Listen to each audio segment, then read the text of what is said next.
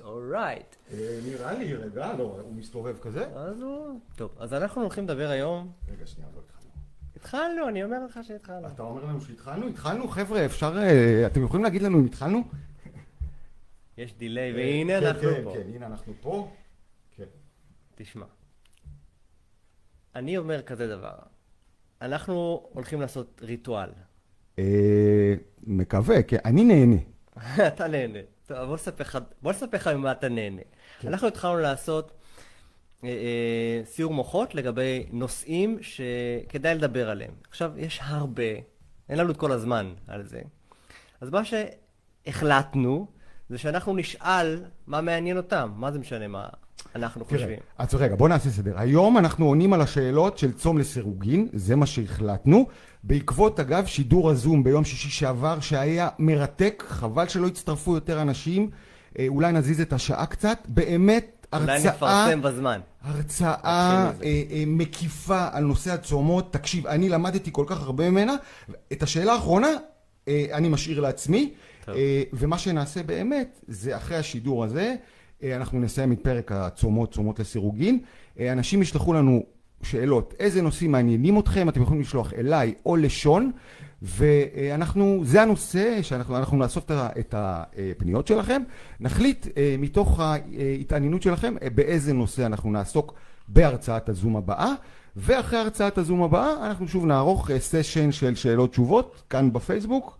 אמ, יאללה, נצלול, אה, נתחיל לצלול. אני חייב להגיד לך שכל השאלות שאני קיבלתי לפחות, אה, קשורות בצום לסירוגין, ואם מותר להתאמן או אסור להתאמן, או... אנחנו בסוף נאמר כמה דברים על הדבר הזה, אבל יאללה, אה, לעסק. אמ, יש לנו פה שאלה, וזאת שאלה קצת חריגה דרך אגב. אמ, בחור שעושה צום לסירוגין, עד שעה שמונה, סליחה, אוכל עד שמונה בערב, מתחיל את הצום בשמונה בערב, את הפעילות הגופנית הוא עושה בסביבות עשר, אה, ולעיתים אף מאוחר יותר. אה, איך ההשפעה של הצום על בניית מסת שריר כאשר הפעילות נעשית בשעות הצום? בוא, יש פה עוד, הרבה- עוד משהו להתייחס אליו. אוקיי, קודם כל הוא אכל עד שמונה בערב, עשה את האימון שעתיים אחרי זה. בצום הוא לא. הוא לא בצום. אה, מה שכן, אחרי האוכל הוא לא... הוא... אחרי האימון הוא לא מתכוון לאכול. במצב הזה, שאנשים עושים אימון אה, ולא מתכוונים לאכול הרבה מאוד שעות אחרי זה, מבחינת האנבוליזם אנשים צריכים להבין, תהליך הסינתזה של השריר נשאר גבוה 24 שעות אחרי האימון. זאת אומרת, הקטע הזה של החלון הזדמנויות, בואו נאכל את החלבון מיד בסוף האימון, לא כזה קריטי, זה השאלה מה יקרה גם ב-24 שעות הבאות. אה, אז גם אם הוא אכל בשעה שמונה בערב, ואחרי זה אה, הלך לאימון בשעה עשר, היום אנחנו יודעים שאין הבדל אם לוקחים את החלבון לפני האימון או אחרי האימון. זה לא משנה. ממש לא משנה.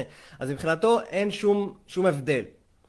אה, אם הוא היה עושה את האימון הרבה אחרי שעות האכילה האחרונה, אולי הייתה פה איזושהי משמעות, אבל בטח לא במצב הזה. החלבון שהוא אכל בשמונה בערב עוד נשאר גם אחרי האימון, ומסנטז ועוזר, וכל מה שיקרה ב-24 שעות הבאות משמעותי. זאת אומרת, מבחינת התזונה זה בסדר, כן. אבל אני חייב לשאול אותך שאלה נוספת, כי אנחנו עוסקים בלונג'ביטי. האם להתאמן בשעה עשר בערב, פחות. אה, זה לא מסתדר עם המקצב הצירקדי של השינה, נכון? פחות מסתדר. כן, פחות, פחות, פחות. אה, קודם כל, יש גם, אתה יודע, חריגים, יש כאלה שהם יותר ערניים בשעות האלה, אבל אז אנחנו יודעים שאימון בשעות האלה עושה הרבה מאוד השפעות שמפריעות לריקאברי בלילה, למחזוריות של השינה, יש כאלה שנשארים ערניים יותר מדי זמן אחרי האימונים, אז זה לא טוב. אה, ובאופן כללי, כדאי להרגיע את הגוף. כדאי להעמיס עליו פחות בשעות של הערב ולעורר אותו הרבה יותר. הביוריתמוס של ההורמונים הוא כזה שיש ערנות גבוהה יותר בבוקר ולאורך היום, ופחות בערב. זה שהתרגלנו להיות חיות לילה, זה לא אומר שזה נכון. אה, כן, טוב. אני אתחבר עכשיו לשאלה של רוני. אה, די דומה, אבל היא מדברת על אימון בבוקר. והשאלה היא כזו, האם הצום של 18-6 מתאים למי שמתאמן בבוקר? 18-6 יכול להתחיל מהבוקר עד הערב, או להתחיל מהערב. אז בוא. בוא, תראה, אני, לפחות מניסיוני האישי, רובנו, מי שצם צום לסירוגין, נדלג על הבוקר. מדלג על הבוקר. אה, אתה, למרות שאנחנו יודעים שכנראה עדיף לעשות את זה קצת הפוך, ולהתחיל לאכול בבוקר עד שתיים בצהריים, אבל בהנחה שהיא מדלגת על הבוקר, כן. אה, רוני אה, מפסיקה לאכול בערב, האם אימון בבוקר אה, היא עושה מתאים? 18? כן, 18 שעות. 18 אז היא מתחילה לאכול בעצם בשעה 2. אה, שתיים בצהריים? משתיים בצהריים עד הערב, עד למחרת אה, צהריים. או 12, תלוי, אם, אם סיימה לאכול בשמונה או בערב, אז זה בערב, 12, או כן. בשש בערב, כן. אה, באופן עקרוני, בצומות כאלה, שהם ארוכים מ-12 שעות, אה, הגוף כזה מתחיל להתרוקן, וכדאי שאם האימון מבוצע, אז אחרי האימון כדאי לאכול כבר. זאת אומרת, שכדאי לא לתקוע את הצום, את האימון, סליחה, באמצע הצום, אלא בסוף הצום, ואחרי זה לאכול, לשבור את הצום בעצם. בסוף ה-18 שעות לעשות את האימון, ואז אחרי זה לאכול. אה, זאת אומרת, בוא, אז, אז בואו ננסה לעשות איזה דוגמה, כי זה נורא מתחבר גם לדברים שאני עשיתי פעם. אה, אם אני מתאמן בשש, הת- התחלתי את הצום בשמונה בערב. בשש בבוקר השעה אה, זה עשר שעות, זאת אומרת אני עדיין לא בצום לפי ההגדרה הרפואית שאתה הגדרת, שזה 12 שעות, אתה ממליץ רק בשמונה בבוקר, אה, סליחה, בשמונה בבוקר לעשות את האימון, אם הפסקתי לאכול בשמונה בערב? אם אתה מתכוון לאכול אחרי שמונה, בתשע בבוקר, אז תעשה את הצום שלך ממש, את האימון שלך בסוף הצום, ואז תלך לאכול את הארוחת בוקר. אבל אם מתכוונת להתחיל לאכול מהצהריים, משעה שתיים בצהריים, כי זה 18 שעות, כן.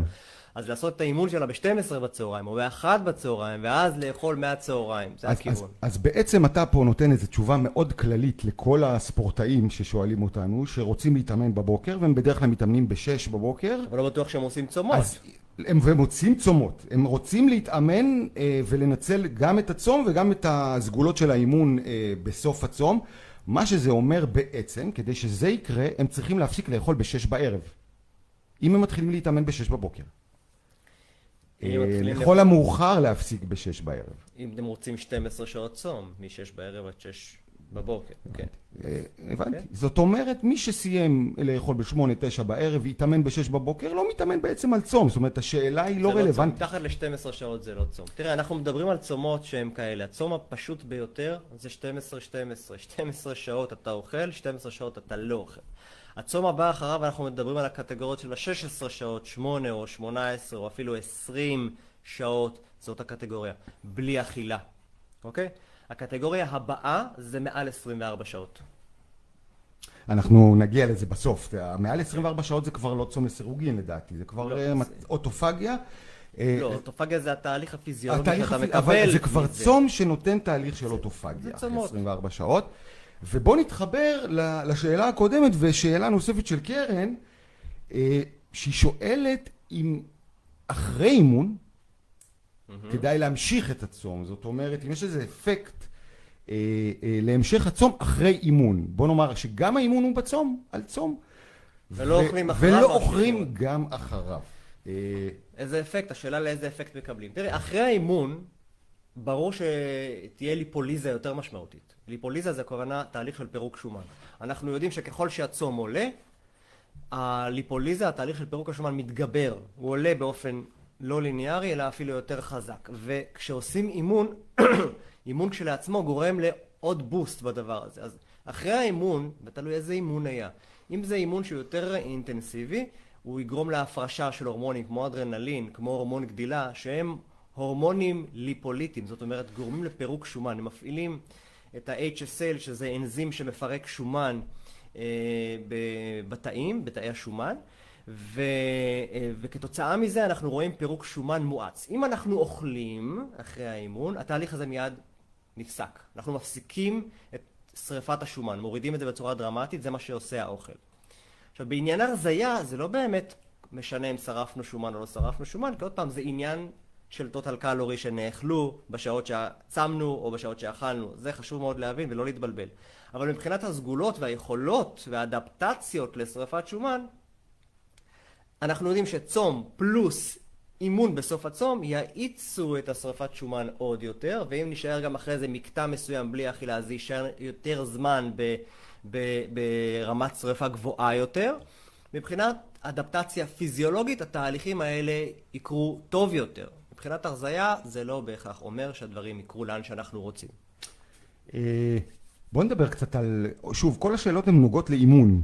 אה, כן, זה מה שהכי לא מסתדר לאנשים לדעת. אה, זה הכי לא מסתדר לדעת, אני, אנחנו נדבר על זה אולי קצת בסוף, נסכם את, ה, את העניין הזה. אה, אבל בוא נדבר קצת על עצימויות האימון.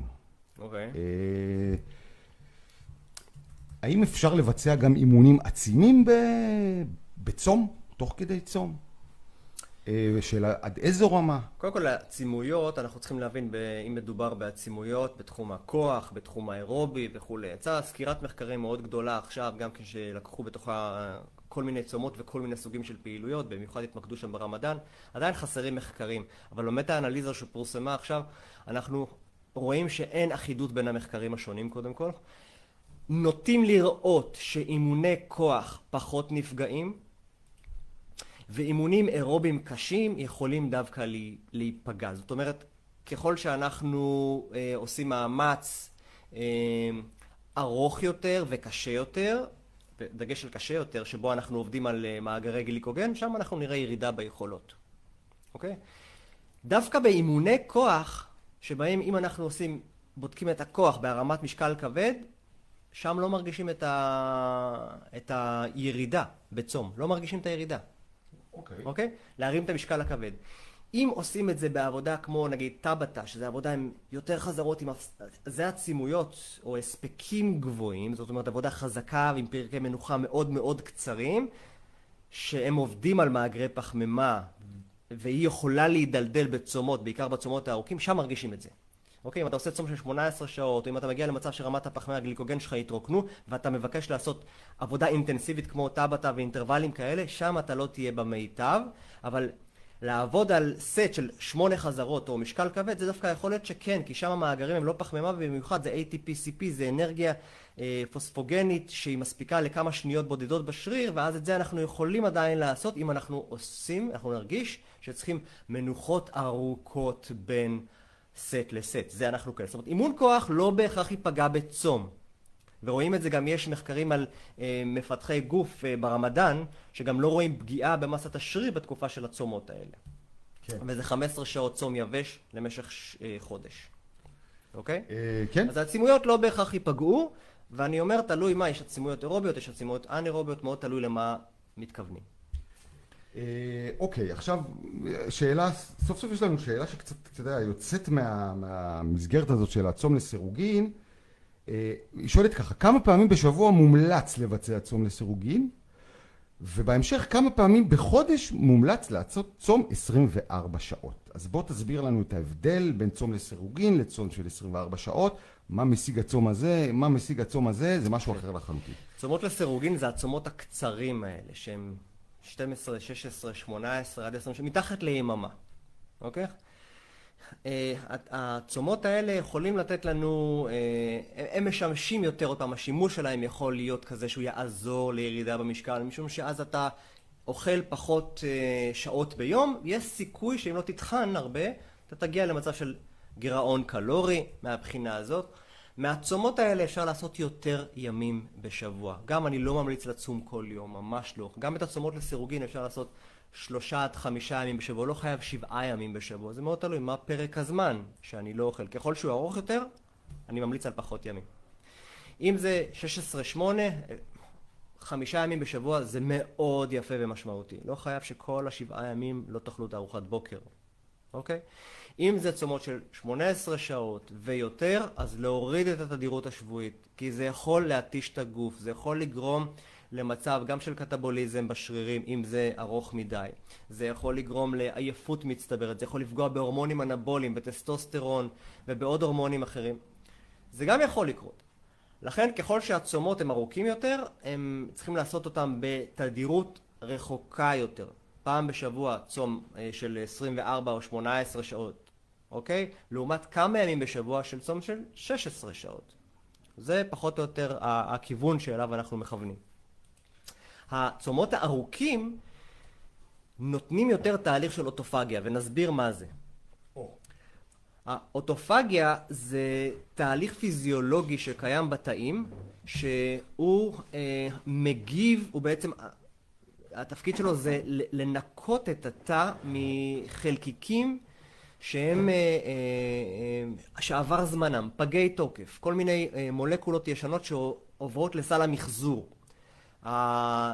מה שאנחנו יודעים זה שבמצבים של צום מתמשך, זה, יש תהליך פיזיולוגי שמאיץ את עבודת הניקוי הזאת, האוטופגיה. לא ניכנס לתוך המנגנונים התוך תאים ולגנים שפועלים שם, אבל יש ביטוי מוגבר של אותם סלי מחזור בתוך התא, ואנזימים שפועלים שם מקבלים פקודה לפעול טוב יותר ולרוקן את חומרי הפסולת של התא, זה קורה בצומות הארוכים, משום שהתא עצמו... משמש מקור אנרגיה. הוא, הוא מבין שיש פה עניין של אה, אה, סטרס שמתחיל להיות, ואז הוא מתחיל תהליכים של התחדשות, הוא מתחיל לזרוק את החומרים שלא מתפקדים טוב, כי הוא צריך עכשיו להשאיר רק את החבר'ה היעילים, הוא מתחיל לעשות recycling, הוא מתחיל להיות יעיל יותר, והרבה מאוד תהליכים של הישרדות פתאום פועלים פה הרבה יותר טוב. אז הוא עושה התחדשות, רואים כל מיני תאי גזע, stem cells, ורואים עוד כל מיני כאלה, ש, שהתפקיד שלהם זה uh, rejuvenation, התחדשות.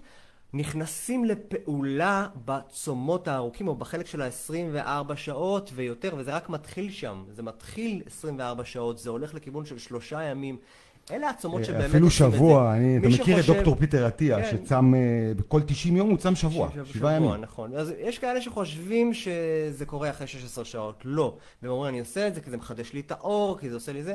זה לא. אז זה כמה ימים כאלה. עכשיו, יש כאלה שעושים את זה בפרוטוקולים של מיצים על חמישה ימים, או כל מיני כאלה, שזה בעצם מעט קלוריות, אבל כמה ימים של צום, שאז האוטופגיה עולה. קשה מאוד למדוד אצל מי זה עובד וכולי, ותוך כמה זמן, יש ויכוחים על העניין הזה. אבל זה לא קורה בצומות קצרים, ומי שרוצה לעשות זה לצורכי שיקום ולצורכי anti-aging וכולי. מדובר פה באמת על הפרוטוקולים הארוכים מ-24 שעות. אה, כן, יש פה שאלות שחוזרות על עצמם, אז אני רק אתייחס לבת אל, על הרכיבה של השלוש-ארבע שעות, אם אפשר לעשות, אז אה, מן הסתם אפשר לרכב שלוש-ארבע שעות בצום, שוב עניין של עצימויות, אה, ולימור שואלת אם היא, אם היא צמה משבע בערב עד שבע בבוקר, אם זה צום, אנחנו הגדרנו, הגדרת לנו את זה, שצום... זה ההתחלה שכן. 12 שעות. רק אני אגיד לגבי הרכיבה, אנשים צריכים לדעת, גם אם הם עושים פעילות וגם אם לא, בצומות יש דרישה משמעותית לשמור על מיום הגוף והרבה מאוד פעמים להכניס גם מלחים. הרבה מאוד פעמים להכניס מלחים, אה, במיוחד אם שותים הרבה מים ולא מכניסים מלחים. זה גורם לתחושה של בחילה, תחושה של אי נוחות, תחושה שהיא לא טובה. צריך להיות מודעים לעניין. זה לא רק בוא לא נאכל, נשתה רק קפה, מים, תה, זה לא טוב. יש מצבים, במיוחד אם עושים פעילות גופנית, כן לקחת מלחים. זה חשוב מאוד.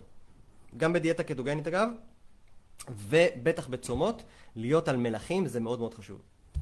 אה, אוקיי, אני דווקא, אתה יודע, בגלל שהתייחסנו לאוטופגיה, אני את השאלה שלי אשאל עכשיו, אה, והיא מתייחסת אה, לנושא הגיל. אתה רואה, מאוד טרנדי היום כל הצום לסירוקים, גם אתה הזכרת שזה אחת המילים המחופשות ביותר בגוגל.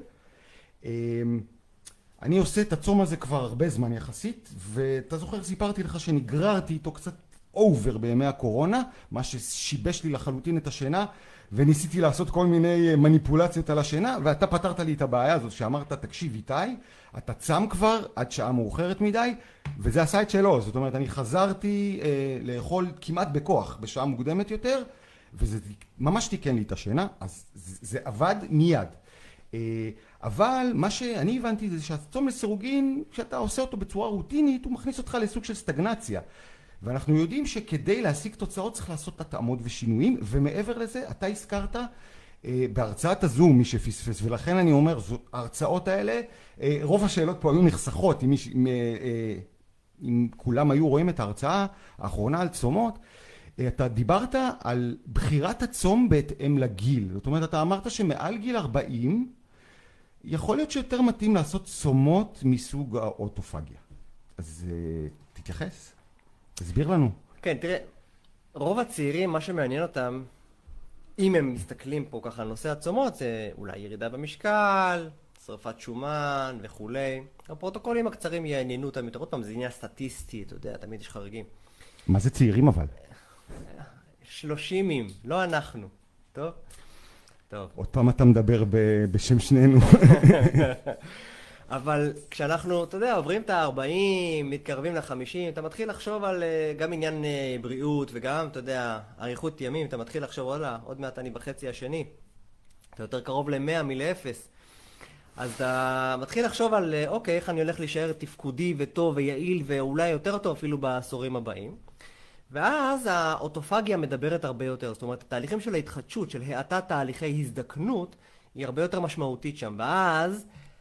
זה, זאת יכול להיות, יכולה להיות מטרה של אנשים שהם בגילאים האלה, ואנשים, בטח עם אנשים עם מחלות, כמו סוכרת וכולי, שבטח צריכים התחדשות טובה יותר. אז במצבים האלה, הפרוטוקולים של הצומות הארוכים ובתדירות נמוכה יותר, יכול להיות שזה פעם בשבוע אחד ארוך, או פעם בשלושה חודשים יומיים שלושה, השתיים חמש למשל שעושים וכולי, מאוד תלוי במטרה. כדאי להיכנס לשילובים האלה, הם לא בהכרח יעשו שינוי במשקל, בפות, בתדירויות ארוכות, אבל זאת לא המטרה, המטרה היא התחדשות, אוטופגיה. ובכל המצבים האלה, האנשים היותר מבוגרים, הן מבחינת שמירת על הבריאות והן מבחינת טיפול במחלות, אנחנו רואים אפקטים משמעותיים. אגב, בצומות של השתיים חמש, שזה יומיים בשבוע, אוקיי, וחמישה, יומיים בשבוע צמים, שם רואים חד משמעית טיפול מדהים בסוכרת.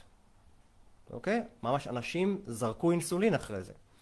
אה, וזה קל וזה קל. קל אולי זה לא, אבל זה זול, וזה, אתה יודע, דברים שאפשר לעשות. כן, אם אתה עושה את זה עם פיקוח, כן, זה, כן, זה כן, מדהים. כן, כן, זה האנטי-אייג'ינג החדש. אבל אנשים מעדיפים לקחת אינסולין ולאכול עוגות. אה, כי הם מפקידים את אה, ידם, ב... את בריאותם קודם כל בידי הרופא במקום בידי עצמם. לא לוקחים אחריות, אבל זה... זה כבר... כמובן שרפואה, גם קונבנציונלית, היא חשובה. היא ארגז כלים. חשובה מאוד. חשובה בוודאי, אבל חשוב לישון קודם כל, וחשוב לאכול נכון, נכון, ולתקן קודם כל את הדברים מהבסיס. אה, אנחנו, יש לנו הרבה שאלות, אז נתקדם פה, ברשותך, אני אענה על השאלה הקצרה הזאת, האם שתיית מיץ לימון סחוט בבוקר שוברת את הצום? אז כמובן שכן, כי זה קלוריות. אה, ולא משומן. אגב, יש לי טיפ, אה, את פרוף קופי. תזהר עם השומן, לא, לא, לא, זה גם שובר. שובר? אז בוא, אז רגע, אז זו שזה מעניין, כי אני יודע... שאם... למה? כי זה לא מלא אינסולין? לא, כי זה מאה אחוז שומן. אז מה? ו... כל מה שאתה מכניס קלוריות... אבל אתה לא, אתה, הגוף לא מייצר אינסולין לא בעקבות לא הקלוריות האלה. לא נכון, הוא מייצר גם מחלבון, והוא מייצר גם מפחמימה, והוא מייצר מכל דבר. גם משומן? מכניס... כן. כשאתה מכניס קלוריות, אתה שובר את הצום. אוקיי. אוקיי. אז כל הבולט פרוף קופי הזה הוא לא פרוף, אתה כן, אומר. הוא למשהו אחר, הוא לא לזה. אז תסביר לי למה הוא. או לא, שזה לא, לא קשור? לא לזה, זה יותר קטוגני, זה יותר דברים אחרים, זה בלי אינסולין, אבל זה לא אומר שזה עושה לך לא אוטופגיה ולא כל הדברים האלה. כשמכניסים קלוריה, זה מוחק את זה. אה, אפשר קפה, אפשר תה, אפשר מים, אפשר מלח, אפשר חומץ תפוחים. כן, ברור. אוקיי? כן. חומץ תפוחים מעורר גם את האוטופגיה עוד יותר. מה שאין קלוריות, אגב, כל הזירו אין קלוריות, זה גם לשבור ממתיקים מלאכותיים אנחנו פחות בעד, אבל עוד פעם, זה לא שיש פה איזושהי, כן, אתה יודע. כן, ברור. אה, אה, קארין, אז מיץ לימון שובר צום. אה, טוב, בואו נתייחס לשאלה שלי. השאלה היא כזו, קצת מעורבבת אבל היא מעניינת כי היא מדברת על אחוזי שומן ו- ו- ו- ושומן בטני, צום לסירוגין יעיל יותר בשילוב ספורט ועבודה על הבטן, בהורדת אחוזי שומן אה, וחיטוב איזון הבטן, אה, הוא, הוא יעיל צום לסירוגין בחיטוב הבטן? זו השאלה אני מניח. מה שיעיל בחיטוב הבטן זה בסופו של דבר מאזן קלורי, זאת אומרת כמה אנחנו שורפים לעומת כמה מכניסים, כי צום לסירוגין אני יכול לאכול רק 4 שעות, אבל 4,000 קלוריות. אז לא יעזור הצום לסירוגין לחיטוב הבטן, ממש לא. זה עניין של הרבה יותר מזה. זה מה אני שורף, מה אני מכניס בכללי, אני יכול לפרוס את זה על שעות כאלה או על שעות כאלה, ואיזה מאמץ גופני אני עושה, איזה גירוי שריר אני עושה. להתחלה, תרגילי בטן בטח לא עוזרים לעיצוב או לשום דבר. זה עניין של אחוז שומן שצריך להוריד כדי להגיע לראות את האזור של השריר, כדי אחרי זה אולי לבנות קיר בטן יותר מסיבי ולראות אותו טוב יותר. אבל זה בהתחלה לצמצם את אחוז השומן הכללי, וזה קשור לתזונה הכללית שלנו, לא לשעות, לא לשעות האכילה. כן. אה, טוב, יש לנו פה שאלה של ליטל, אבל היא מדברת על תזונה קטוגנית, זה פחות צום ליטל, אז אנחנו פחות נתייחס לזה. אה, עושה רושם שאנחנו נצטרך לעשות שוב שידור זום על צומות, כי יש פה...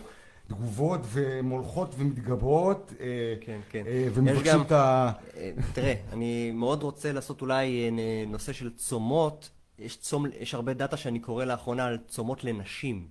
או, כי יש שם עניין הורמונלי, ויש כמה שאלות שעולות בכיוון הזה, אז אה, זה מתחיל להיראות לי שאולי שווה לעשות על זה נושא. תוכלו להשאיר לנו בתגובות אם זה מעניין, אנחנו נלך בכלל ונציע. אז בואו, צומות לנשים, מי מעניין אתכם? מי שמעניין אותו, אה, שירשום לנו הודעה בעניין. ונראה מה יסלחו לנו הגברים. אפרופו צומות לנשים, אה, צומות בגיל מתקדם יותר, אתה יודע, גיל מתקדם, זה טוב, 60, 70, אתה אומר, האוטופגיה יותר, יכולה לעבוד... שם דווקא כן, אבל אז צריך להיזהר בגיל המבוגר, מה הפחד? לאבד שריר, סרקופניה, זה הפחד. אז איך אתה עושה את זה? איזה פרוטוקולים מתאימים שלא יעשו סרקופניה? עיבוד שריר הכוונה, כן, בסדר? כן.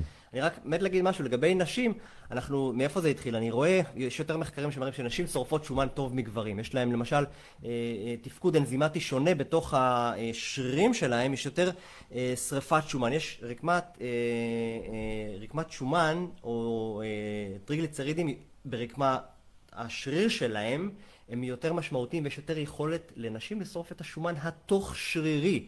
לכן הן יהיו טובות יותר בסבולת מגברים, במאמצים ארוכים, באופן יחסי לעצמן.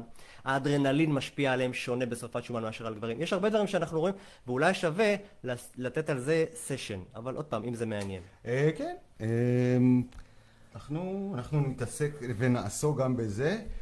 אה, שאלות נוספות. יפ. כן. בואו נראה מה יש לנו. Uh, טוב, השאלות כרגע הן אם אפשר לצפות בעיקר בסרטונים הקודמים, אלה רוב השאלות, זה עוד פעם, אנחנו מחזירים בעצם את השאלה הזאת.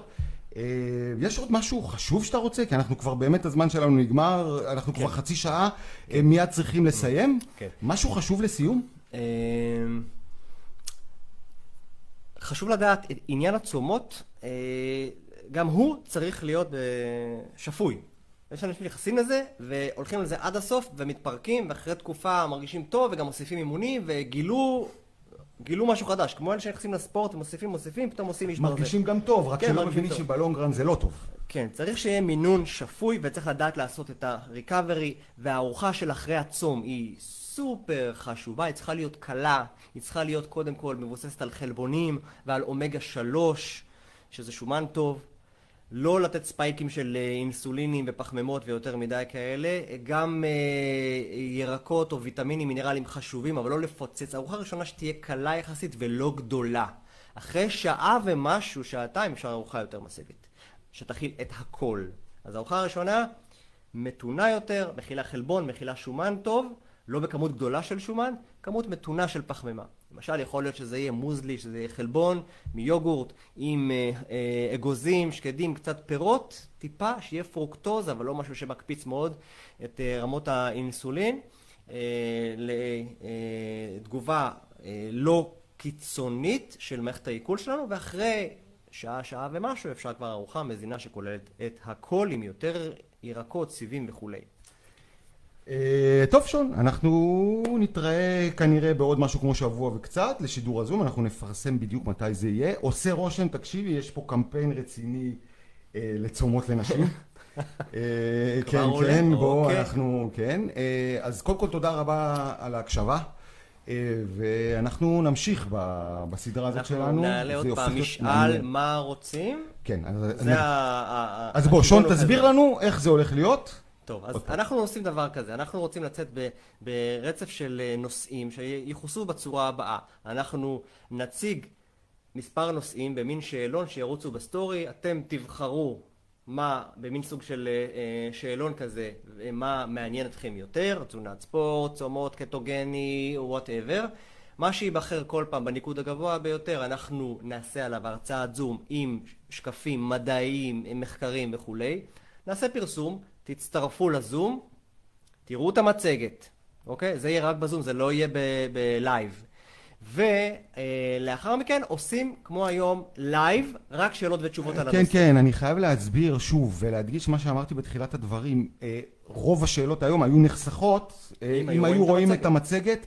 אה, ואנחנו, אני מניח שבשידורי זום הבאים... אז נחזה את זה יותר ניגע פה ושם, תראה, הנושא הזה הוא כל כך ספירלי, שאני מניח שהנושא הצומות עוד, עוד ניגע בו בכל מה שקשור לתזונת לונג'ביטי. מצטברים חומרים כל הזמן.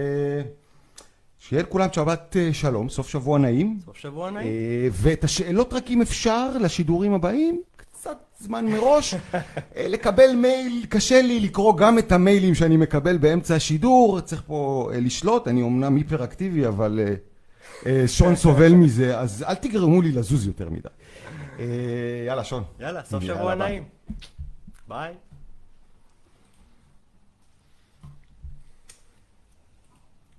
יש לי עוד שאלות.